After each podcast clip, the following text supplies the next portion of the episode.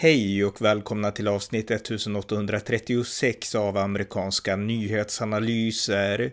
En konservativ podcast som kan stödjas på swishnummer 070-30 28 95 0.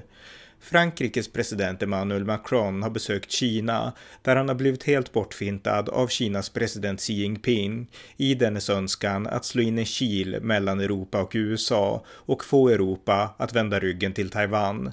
Här samtalar jag med Asienexperten Jojje Olsson om saken samt om Taiwans president Tsai Ing-wens besök i USA, vilka konsekvenser besöket mellan Putin och Xi Jinping i Moskva har fått och vad som nu har framkommit om det kinesiska spionballong som USA USA sköt ner. Varmt välkomna. Jojo Olsson, välkommen. Tack så mycket. Du driver ju sajten kinamedia.se, en av Sveriges viktigaste nyhetssajter om Kina och eh, nu har det kommit ut en nyhet till världen om en viktig händelse, inte minst för oss här i Europa om Kina. Det är nämligen så att Frankrikes president Emmanuel Macron, han har besökt Kina och eh, jag skulle säga att det här var ett pinsamt besök, djupt problematiskt och eh, du har ju skrivit en artikel där jag vet att du är inne på ungefär samma linje. Så kan du berätta lite grann om vi börjar med det ämnet, Macrons besök i Kina? Ja, Macron var ju då i eh, Kina i tre dagar då förra veckan tillsammans med EU-kommissionens ordförande Ursula von der Leyen. Men det var Macron som fick den här eh, ja, väldigt eh, pompiga, eh, ståtliga behandlingen av Kina då. Medan von der Leyen, som är lite mer kritisk till eh, Europas eh, samarbete med Kina, lite mer kritiskt inställd. Hon blev i stort sett ignorerad, utan det var då istället då Macron som eh, anlände till eh, Peking och fick eh, röda mattan på flygplatsen och fick inspektera hedersvakten tillsammans med Xi Jinping på vid Himmelska fridens torg. Och under de här tre dagarna så fick han spendera sammanlagt en 7-8 timmar med Xi Jinping och det är mycket eh, längre tid än vad någon västerländsk ledare har fått göra på väldigt, väldigt länge. Och ett av de här syftena då från Kinas håll, det är ju att man vill eh, helt enkelt slå in en kil mellan eh, Europa och USA. Man vill inte i det här nya geopolitiska kalla kriget som håller på att forma sig att eh, USA och Europa ska stå nära varandra utan man vill istället splittra de här två sidorna och då har man då använt Macron lite då som eh, en spelpjäs i det här och det verkar som att Macrons ego föll för det här smickret då som han fick i eh, Kina. Framförallt eftersom han då med eh, Eh, i en intervju på, på sitt eget eh, flygplan då med några reportrar så eh, sa han enligt uppgift då att Eh, Europa måste bli en eh, tredje stormakt och ska inte vara för beroende av USA. Och ett exempel som han gav då är att eh, Europa måste undvika konflikt eh, när det kommer till Taiwan. Så man ska inte välja sida då mm. mellan Kina och USA när det kommer till Taiwan, tycker Macron, eftersom han vill istället då göra Europa till en tredje stormakt som inte eh, väljer sida när det kommer till konflikter som Taiwan. Och då kan man tänka att det är en stormakt som man själv då vill att Frankrike ska leda. Och eh, det här är väldigt oroväckande för att det kommer också i en väldigt eh, kritisk tidsperiod för Taiwan där trycket från Kina då eh, verkligen växer. Och eh, om man då får höra från kinesiskt håll att Europa inte kommer motsätta sig en kinesisk eh, militär eh, attack, exempelvis då över Taiwan, så är ju det verkligen eh, Ja, då förlorar man ju det här avskräckande syftet som eh, man vill då från USA och andra delar av Europa och Japan och världens demokratier. Att man vill avskräcka Kina från att agera militärt från Taiwan. Men eftersom Macron nu säger då rakt ut att man inte ska från Europas håll bli inblandad i en konflikt mellan Taiwan så tar ju han verkligen Kinas parti här. Mm. Och det här är ju, det, det, är ju väldigt oroväckande därför att jag menar, han åkte till Kina, Macron då, för att eh, samtala om kriget i Ukraina, nämligen han ville att Kina skulle pressa på Ryssland att avsluta kriget i Ukraina, eh, men han själv är inte beredd att backa upp Taiwan som står ungefär i samma förhållande till just Kina då, som Ryssland gör till Ukraina, medan USA finns i båda kontinenter, alltså USA backar upp Ukraina och USA backar upp Taiwan, men Macron vill inte se den här helheten. Alltså jag tycker att det här är, om man kritiserar härifrån svenskt och europeiskt västhåll, att det finns en isolationistisk höger i USA som, som inte kanske vill satsa så mycket på Ukraina. Då är man ju likadant nu i Asien, där man då inte vill satsa så mycket på Taiwan. Ja, till att börja med kan vi ta den här aspekten då med att Macron sa på förhand att det viktigaste syftet med att åka till Kina, det var att han ville då försöka övertyga Xi Jinping, alltså Kinas ledare, att utöva påtryckningar mot Ryssland för att stoppa striderna, sluta kriga i Ukraina. Men på den fronten fick han ingen utdelning alls överhuvudtaget eftersom Xi Jinping, han sa ingenting nytt om uh, Ukraina eller Ryssland i den här presskonferensen som de höll tillsammans.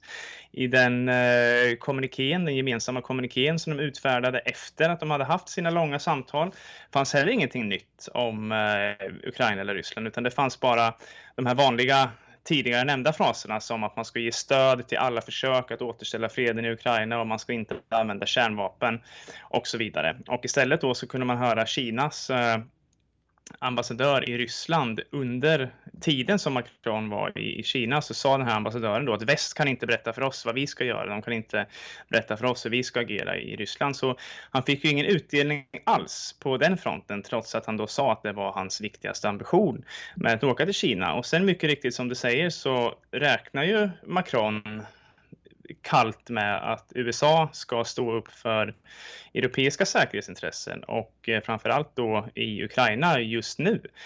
Det kunde man ju också se. Det tog inte många timmar igår kväll då lokal tid här i, i eh, Taiwan då efter att de här citaten från Macron blev kända till att politiker, som den första jag såg då på Twitter var Marco Rubio som, eh, som då sa Eh, i en video som han spelade in på Twitter att eh, vi måste veta om Macron pratar för hela Europa eller om Macron bara pratar för sig själv. För att om han pratar för hela Europa, ja, då kanske vi ska fokusera mer på Taiwan istället för att hjälpa Europa med eh, den ryska aggressionen. Om, de inte, om Europa då inte är redo att stötta oss. Mm. Så att det här är ju någonting, de här kommentarerna från Macron, de har ju dels en potential eller en risk snarare att splittra Europa vilket de redan har gjort på många håll eftersom många andra europeiska ledare har uttryckt eh, stort tvivel över de här kommentarerna.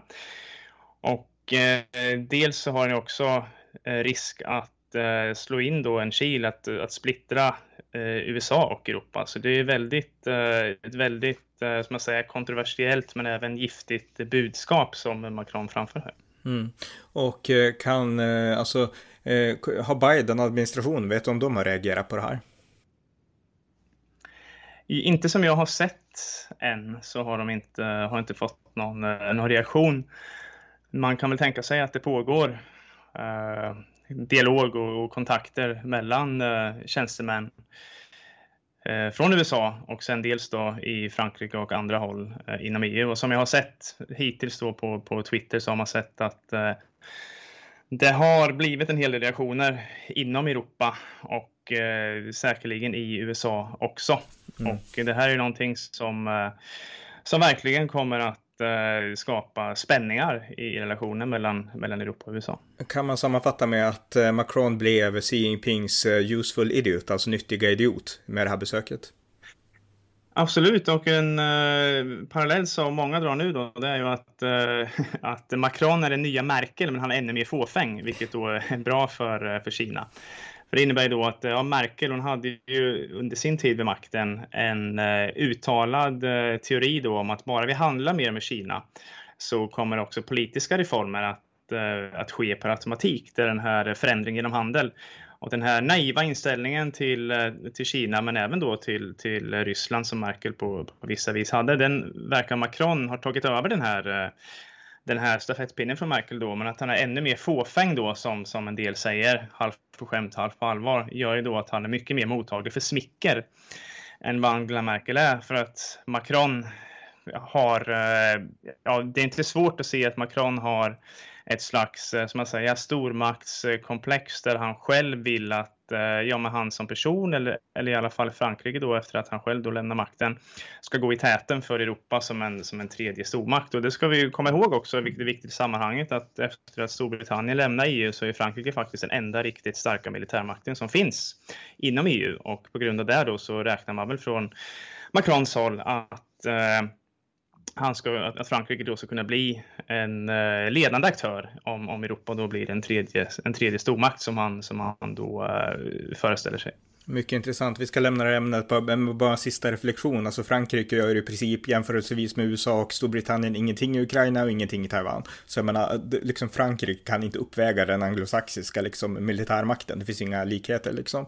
Men jag tänkte att vi ska gå vidare till nästa ämne och det är ett besök som gjordes av eh, Taiwans president nyligen strax innan då Macron åkte till Kina och hon besökte USA och det här var ett historiskt besök. Kan du berätta lite om det? Ja, eh, presidenten här på Taiwan då, Tsai Ing-wen, i slutet av mars så åkte hon på, ett, eh, på en tio dagar lång utlandsresa. Och då skulle hon besöka, eh, det var Belize och Guatemala som är två av Taiwans sista 13 diplomatiskt allierade länder då och de är ju då belägna i Centralamerika så därför passar hon på då att göra en så kallad transit, alltså mellanlandning eh, helt enkelt i eh, USA då, dels på vägen dit och dels på vägen hem. Och det här har ju blivit kontroversiellt eftersom när Kevin McCarthy blev vald till ny talman i eh, USAs representanthus här då, så sa ju han då att han skulle träffa Tsai Ing-wen, eller eh, sa han då innan han blev vald. Och hans företrädare Nancy Pelosi var här på Taiwan i somras och träffade Tsai Ing-wen och eh, då hade vi en väldigt, väldigt stark reaktion från Kina som eh, påbörjade de största militärövningarna som man någonsin haft då, kring Taiwan. Så man eh, sköt robotar över Taiwan, man omringade Taiwan, man hade övningar med skarp ammunition på en handfull olika zoner då runt om Taiwan. Och då fanns ju givetvis eh, den här rädslan om att eh, om McCarthy också kommer hit så, så skulle Kina då återupprepa de här militärövningarna. Och Eh, man vill då inte ge Kina en anledning till att göra det här på nytt och framförallt inte så nära in på presidentvalet som är här på Taiwan då om mindre än nio månader. Så en slags kompromiss kan man säga då att eh, McCarthy bjöd istället in Tsai Ing-wen till eh, USA. Så på vägen hem då i början av april här så eh, stannade Simon i Los Angeles där hon eh, träffade Kevin McCarthy vid eh, Ronald Reagan Library där då, i, i Los Angeles. Och ja, det var någonting som, som Kina hade varnat för på förhand och just i detta nu så håller man militärövningar runt Taiwan som inte verkar vara lika omfattande som de var i somras, men icke desto mindre är det ganska allvarliga övningar då som innefattar ja, skjuta med skarp ammunition. Eh, 70-80 stridsflygplan har flugit in i Taiwans luftförsvarszon. Eh, ett av Kinas hangarfartyg deltar i övningarna. Och det här är någonting som pågår får, får just nu. Alltså. Får jag skjuta en fråga? Du bor ju på Taiwan och du är där nu. Alltså är det här någonting som ni som bor där märker av? Alltså hörs det, syns det? Nej, här på Taiwan är man ju ganska luttrad. Det här är någonting som ses från de här ögrupperna som ligger närmare eh, kinesiska fastlandet. På Taiwans huvudö som ligger ungefär 150 kilometer från kinesiska fastlandet så eh, syns det inte så, så mycket.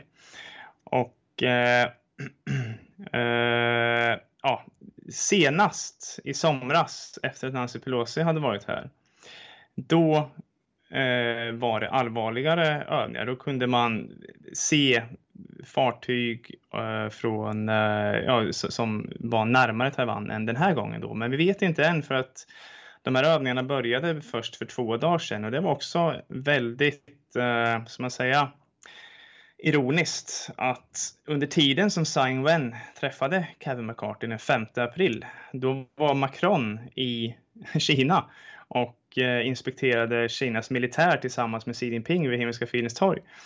Och då passade det inte förstås för kinesiskt håll att eh, påbörja de här övningarna direkt. Så bara timmar efter att Macron lämnade Kina och hade sagt det här då att eh, Europa inte bör blanda sig i en konflikt om Taiwan mellan Kina och USA. Bara timmar efter det så meddelade då Eh, eh, kinesisk militär att man skulle hålla de här militärövningarna. Så de började precis då när Macron hade lämnat Kina. och Då kan man ju tänka sig att ja, Kina genomför de här militärövningarna nu med mycket större som säga, självsäkerhet än tidigare eftersom man vet att Europa sannolikt inte kommer att eh, reagera på det här. Mm, just det. Eh, finns det något mer att säga om eh, hennes besök i, i, USA eller ska vi gå vidare till nästa ämne som är eh, Xi Jinpings besök i Moskva? Ja, på förhand så kan man säga att det är väldigt osäkert hur Kina skulle reagera på det här besöket i och med att från, från USA och från Taiwans håll så har man då sagt att det finns ingen nödvändighet från Kina att reagera alls på det här. I och med att det, det är flera presidenter som har besökt eh, USA på vägen till Centralamerika tidigare. Eh, Tsai är där inte som president utan hon är där i egenskap av privatperson och hon har hållit en låg profil under besöket och så vidare. Medan man från Kinas håll då menar att det här är ett tydligt eh, övertramp eh, som då gynnar taiwanesisk eh, självständighet, tanken om taiwanesisk självständighet. Så det fanns ända fram till då för ett par dagar sedan så hade vi här på Taiwan, ingen hade en aning om vad reaktionen egentligen då skulle bli.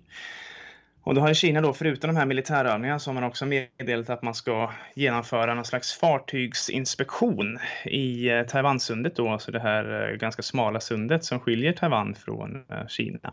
Och då skulle alltså den kinesiska kustbevakningen då sa att man skulle gå på fartyg och skepp och, inspektera dem.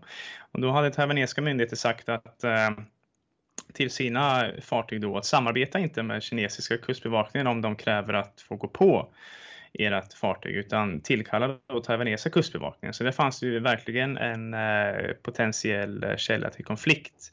Och under gårdagen så hade vi också ett dödläge då som Reuters och flera medier rapporterade med. Det var ett 20-tal stridsfartyg från båda sidorna som stod ganska nära varandra och eh, ingen då riktigt rörde på sig. Så att det finns en stor risk för säga, misstag, felkalkyleringar som kan sätta igång en eh, ond spiral eh, här i, eh, i Taiwansundet. Och i och med att Kina då inte vet, förlåt, i och med att Kina vet att Europa enligt Macron då inte har så stort intresse av att vara en del av en konflikt här då, så är man sannolikt nu mer, ja, mer självsäker och mer, som säga, mallig helt enkelt i, i de här potentiella konflikterna i Taiwansundet. Mm. Eh, innan vi går vidare, alltså när Macron säger så, alltså att han inte är intresserad, eh, bortsett från det här bristande moraliska stödet som såklart är uppskattat, kan, kan Europa bidra med någonting, alltså rent militärt för Taiwans skull? För jag menar, hårdvaran finns ju ändå i USA och kanske i Storbritannien, men mest i USA i den här frågan. Ja, jag har skrivit en uh, ganska lång uh, rapport eh, bland annat för tankesmedjan Frivärd om vad man kan göra även från europeiskt håll i förebyggande syfte. Och eh, man kan exempelvis, eh, liksom USA gör då, sälja olika vapensystem till, eh, till Taiwan. Och om man inte vill eh, förbereda Taiwan inför strid rent militärt, ja då kan man hjälpa med exempelvis eh, cyberkrigföring, informationskrigföring. Man kan exempelvis eh, avlasta amerikanska eh, militärbaser på andra håll i världen så att USA kan satsa då mer kring Taiwan om det skulle bli en konflikt. Man kan säga på förhand att man kommer vara del av en luftbro exempelvis om eh, Kina skulle införa en blockad mot Taiwan. Det finns mycket sådana här åtgärder som man kan ta i förebyggande syfte. Eh, men i och med att Macron då har sagt att eh, Europa inte är intresserade av en sån här, sån här konflikt då, då får man från Kina blodad hand och vet då att väst har förlorat en, en viktig aktör. Och bara för att tillägga en sista del här Eh, Eh, det här är ett koncept då som heter, eh, som kallas eh, strategiskt självstyre eller strategiskt autonomi. Och det är det som är den här idén då från Macron att Europa ska vara den tredje, tredje stormakten. Och det, ja, han sa till reportrar när han var i Kina att han redan har, Macron sa att man redan har vunnit den ideologiska striden om eh, eh, strategisk autonomi inom EU. Så enligt honom då så råder någon slags konsensus i Europa att man ska vara den här tredje stormakten. Men det här är samtidigt ett koncept som fortfarande är Macrons hjärtefråga och som inte alls är någon uttalad EU-politik. För att som, som vi kunde se då under Macrons resa i Kina så var ju EU-kommissionens ordförande Ursula von der Leyen hon var där samtidigt då och det här var också, Macron hade bjudit in henne för att visa på europeisk enighet. Men hon åsidosattes ju helt och hållet då. Men eh, icke desto mindre så i de kortare mötena som hon fick ha med Xi Jinping så hade hon ett helt annat budskap när det kom till Taiwan. Och eh, ja, det visar på att Macron är lite för stursk när, när det kommer till hans egen vision om att eh, Europa ska bli någon slags stormakt under Frankrikes ledning. Mm. En stursk och ensam nyttigjord kan man säga då. Men sista frågan jag tänkte vi skulle prata lite om, och det här var ett tag sedan, men i vår senaste podd så pratade vi inför att Xi Jinping skulle besöka Putin i Moskva. Och eh, min fråga är nu, eh, vad blev konsekvenserna av det här besöket? För det vart ju väldigt mycket skriverier om det här, att det var en stor händelse, en unik händelse. Men har det resulterat i några konkreta liksom, förändringar på den världspolitiska arenan? Ja, Kina och Ryssland är ju inte direkt kända för att vara världens mest transparenta länder här, så att eh, vad som egentligen sades under mötena, eh, det vet vi helt enkelt inte. Eh, inga presskonferenser givetvis och eh, frågor och, och, utläggningar om det som, som det är när två ledare från demokratiska nationer träffas. Men däremot så gjorde ju Xi Jinping Putin en tjänst bara genom att vara där. För han visade Putin alltså Putin kunde visa upp dels inför eh, den inhemska publiken och dels inför potentiella samarbetspartners i eh, ja, men vad man kan kalla den globala södern då, icke-demokratiska länder. Att Ryssland inte alls står ensamt utan tvärtom så har man världens största land på sin sida och eh, ja, den här efterlysningen i internationella brottmålsdomstolen då exempelvis mot Putin som utfärdades innan Xi Jinping åkte dit kan man ju säga att det här är bara en västerländsk plott. Titta här, världens största land struntar fullständigt i det här. Och eh, bara att stå vid Putins sida och ha de här eh, samtalen och de här eh, pampiga, ståtliga middagarna och evenemangen med Putin gör att man ja, ger Ryssland en diplomatisk eh, tjänst. Och eh, dessutom så det som lilla som vi, som vi har sett då från de här, eh, från de här mötena. Eh, det var framför allt en eh, filmsekvens som vi hade när de två ledarna skildes åt. När Xi Jinping sa till Putin att nu pågår förändringar som vi inte har sett för, som vi inte har sett på ett sekel och det är du och jag som driver dem framåt. Så sa Xi Jinping.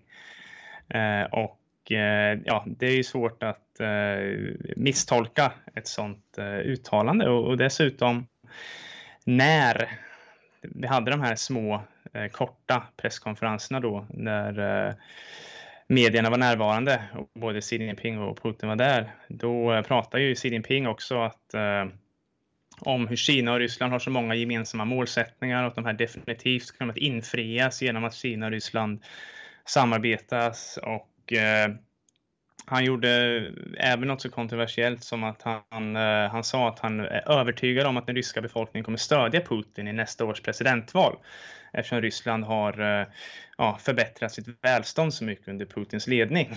Och mm. det här sa han utan att Putin ens har utlyst sin kandidatur till, som presidentkandidat nästa år. Så antingen så visste Xi Jinping någonting som vi inte vet eller så eh, lanserade han i stort sett eh, Putins, eh, Putins ja, återvalskampanj här då.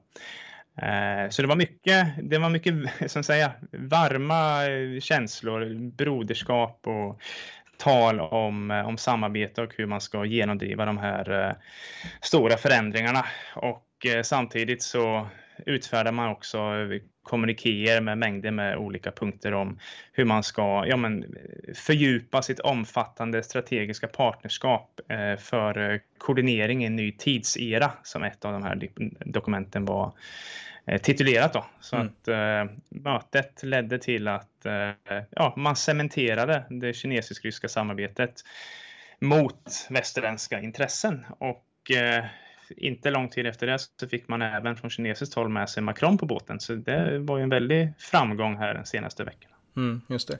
Eh, jag kom på en sista sak också som du gärna får kommentera. Det har ju kommit uppgifter om att de här, eh, den här spionballongen som flög över USA för några veckor sedan och som USA sköt ner, att man har nu börjat granska det och fått mer information och att eh, det var verkligen en spionballong som samlade eh, alltså känslig information om USA. Kan du berätta någonting mer om det? Ja, det som jag såg också då läste i någon eh, rapport här att eh, det var eh, spionballongen som efter att man hade granskat den så kunde man se då att den hade styrts från Kina i eh, ja, detaljstyrts då över de här eh, känsliga områdena som, som innefattade militära installationer och eh, kärnvapenanläggningar. Och eh, dessutom så skickade man den här informationen till en kinesisk satellit då, och den här, den här informationen gick igenom då trots att man från amerikanskt håll försökte att blockera överföringarna så att säga. Så att, eh, det var bekräftat att eh, det var en eh, spionballong som eh, styrdes av Kina och fick eh, önskad effekt. Just det. Mm. Ja, jag har inga fler frågor så tack så mycket Jojo Olsson. Ja, tack så mycket. Tack för att ni har lyssnat på amerikanska nyhetsanalyser. En podcast som kan stödjas på swishnummer 070-30 28 95 0 eller via hemsidan på Paypal, Patreon eller bankkonto. Skänk också gärna en slant till valfri insamling för Ukraina. Vi hörs snart igen. Allt gott tills dess.